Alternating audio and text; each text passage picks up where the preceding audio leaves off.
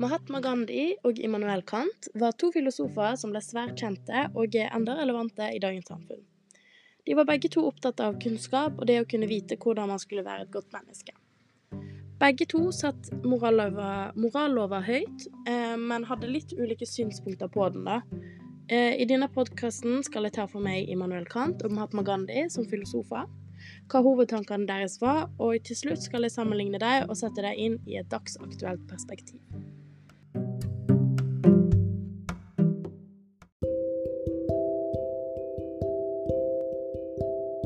Immanuel Kant var en tysk filosof som ble kjent som talsmannen for den menneskelige fornufta. Altså et grunnsyn som ga mennesket en en ny selvtillit, og som gjorde det mulig å utvikle et demokrati. Kant mente at vi skulle ta nytte ut av fornufta for å kunne utvikle kunnskap om nye tema. Men det er viktig å bemerke seg at Kant mente at fornufta var begrensa. Dvs. Si at man ikke kunne oppnå all form for kunnskap på denne måten. Samtidig som Kant mente at fornufta kunne gi oss kunnskap, var han òg enig i at kunnskap stammer fra sanseerfaring. Kant mente at det at menneskene var et fornuftsvesen, ville òg gjøre det mulig for mennesker å utvikle egne moralnormer.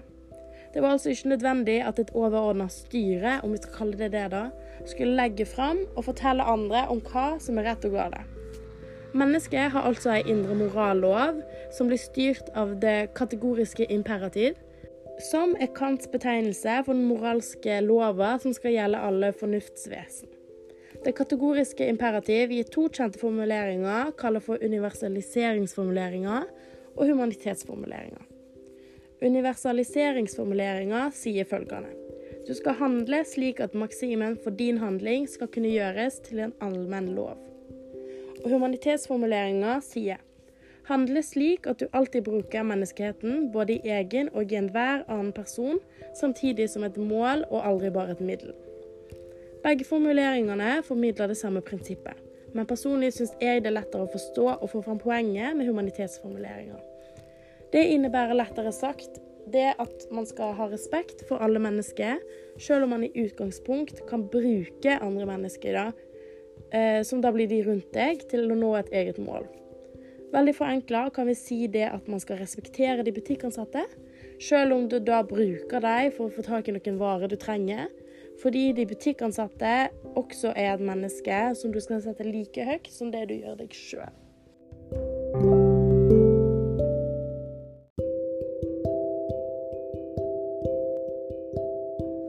Mahatma Gandhi var en indisk politiker som ledet en indisk nasjonalistbevegelse som gikk mot det britiske styret i India. Gandhi mente at man som menneske alltid måtte søke sannheten og forsøke å leve etter den. Dette var altså mulig om en avsto fra vold, ifølge Gandhi. De ikke-voldelige aksjonene til Gandhi har inspirert mange, som f.eks. Nelson Mandela og Martin Luther King. Eh, samt vært med på å frigjøre India, til og med. Gandhi starta en aktiv motstand mot styresmaktene, og han ville prøve å bekjempe alle løgner som rasefordommene bygger på. Dermed starta en lang kamp for han for friheten og like rettigheter, som endte med frigjøringen til India fra Storbritannia i 1948. Gandhi hadde en egen måte å protestere på som ble kalt for satyagraha, som blir oversatt til det å holde fast på sannheten. Sannheten har en sterk kraft, ifølge Gandhi. Det er den stemmen alle mennesker har inni seg, uavhengig av hvem du er og hva du har. Sannheten er det inni deg som forteller deg hva som er rett og galt. Og for Gandhi kunne dette både være Gud, kjærlighet og en indre moral. Ettersom sannheten finnes inni oss ifølge Gandhi, vil alle mennesker måtte finne den i seg sjøl. Sannheten kan altså ikke tvinges fram i noen andre, og de må være villige til å se den på egen hånd. Alt man kan gjøre for å få fram sannheten i andre, er å hjelpe andre med å frivillig lytte til samvittigheten deres, sånn at de kan innse sjøl hva som er rett og galt i en situasjon. Sannheten er altså noe alle har til felles for hverandre. Du kan dermed ikke skade et annet menneske uten å samtidig skade noe hos deg sjøl. Eh, når man kan nærme seg sannheten, betyr det òg at man kan nærme seg det man har til felles med det andre mennesket. Og man vil klare å knytte et sterkere bånd til hverandre. Men som sagt tidligere vil dette bare fungere om man avstår fra alle former for vold. Gandhi mente at de to var så sterkt knytta sammen at de ikke kunne skille dem. Sannheten kunne bli sett på som målet, samtidig som det å ikke drive med vold ble middelet. Dette kalte Gandhi for amimsa. Men hvorfor mente Gandhi at ikke-vold var en god måte å protestere på, egentlig? Først og fremst mente han at det ville overbevise motstanderne lettere når de ser at du kan være villig til å ofre din egen helse og ditt eget liv i en fredelig protest. Det at kravene er sanne og at du ikke vil skade dem. Samtidig fører ikke-voldelige protester seg sjøl nærmere sannheten, ifølge Gandhis lære.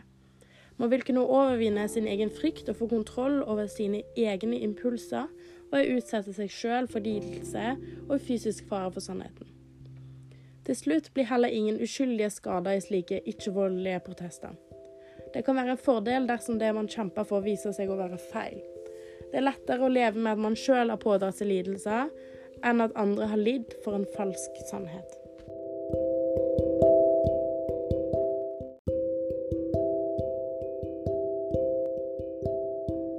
Hvis vi skal prøve å sammenligne de tankegangene til Kant og Gandhi, vil det første jeg tenker på, være at sannheten finnes inne i mennesket.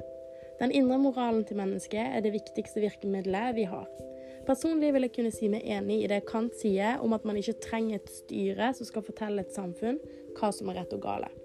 Det at vi alle mennesker er fornuftsvesen som kan klare å konkludere sjøl med hva vi skal og ikke skal gjøre, mener jeg sier seg sjøl. Men her er jeg òg enig i det Gandhi sier, med at ikke-vold kan være en god måte å protestere på. Det at vold ikke er svaret, er en god moral å ha. Selv om jeg ikke helt kan skrive under på det at ikke-voldelige protester kan føre deg til en sannhet, syns jeg fortsatt det er en god tankegang å ha. Begge filosofiene er basert på ett mål og et middel man kan bruke for å nå dette målet. Selv om de ikke er helt like, har de den samme kjerna. Kant mente at menneskene rundt deg blir brukt som et middel for å nå ditt eget mål, som vi så i eksempelet jeg hadde tidligere med butikkansatte. Gandhi derimot ser på ikke-vold som et middel for å nå en sannhet. Filosofiene er begge to basert på ei morallov som skal være med på å vise mennesket hva som er rett og gale. Men spesielt for de begge er at du må sjøl finne ut av hva som er rett og gale, ved å finne din egen indre moral. Filosofene har jo ulike framgangsmåter for å komme fram til en sannhet. Men begge har altså de samme prinsipper, da, til en viss grad. Det handler om respekt for dine medmennesker, om det da skal være å ikke drive med vold, eller å sette butikkansatte like høyt som man gjør seg sjøl. Det går egentlig ut på likestilling av mennesker, og det å innse at alle mennesker har like stor verdi som det man har sjøl.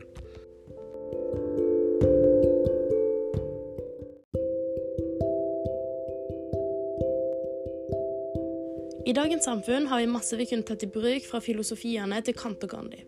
Spesielt Gandhis ikke-vold-metode kunne vært nyttig i dagens samfunn. Spesielt når vi ser på Ukraina-konflikten som enda pågår. Det å kunne forhandle uten at det måtte bryte ut i en brutal krig, enten før eller etter, kunne vi ha spart mange liv på. Ukrainere må flykte fra sitt eget land og forlate så å si alt de eier, fordi russerne griper inn og angriper byene deres. Her mister man altså det som Kant setter så høyt i humanitetsformuleringa si. Det at alle mennesker skal ha like høy verdi uansett yrke, kjønn, identitet og etnisitet. Dersom alle hadde hatt den morallova som Kant og Gandhi ville fremme, ville nok vi klart å unngå konflikter, om vi ser det beste utfallet. Eventuelt kunne konflikter blitt håndtert på en annen måte enn at det måtte ramme så enorme mengder befolkninger både i Ukraina og i Russland pga. krigen. Det er selvfølgelig ikke så enkelt som å bare si at alle må følge den og den moralen, fordi det kan være individuelt fra person til person, og spesielt påvirka av det miljøet du har vokst opp i. Så mennesker vil nok ha ulike synspunkt på hva som vil være rett og gale, og det skal jo man respektere. Men slik som Gandhi mener, det burde ikke gå på bekostning av andre mennesker. Ettersom det er lettere å leve med lidelsen sjøl enn det å leve med å pådra andre mennesker lidelse for en falsk sannhet. Gandhis lære er jo ganske dagsaktuell, ettersom arbeidet hans klarte å frigjøre India fra Storbritannia. Gandhi klarte å inspirere mange millioner indere til å drive en ikke-voldelig kamp mot Storbritannia. Så vi ser tydelig at arbeidet til Gandhi er noe som i hvert fall har fungert tidligere. Så hvorfor skal ikke det fungere nå?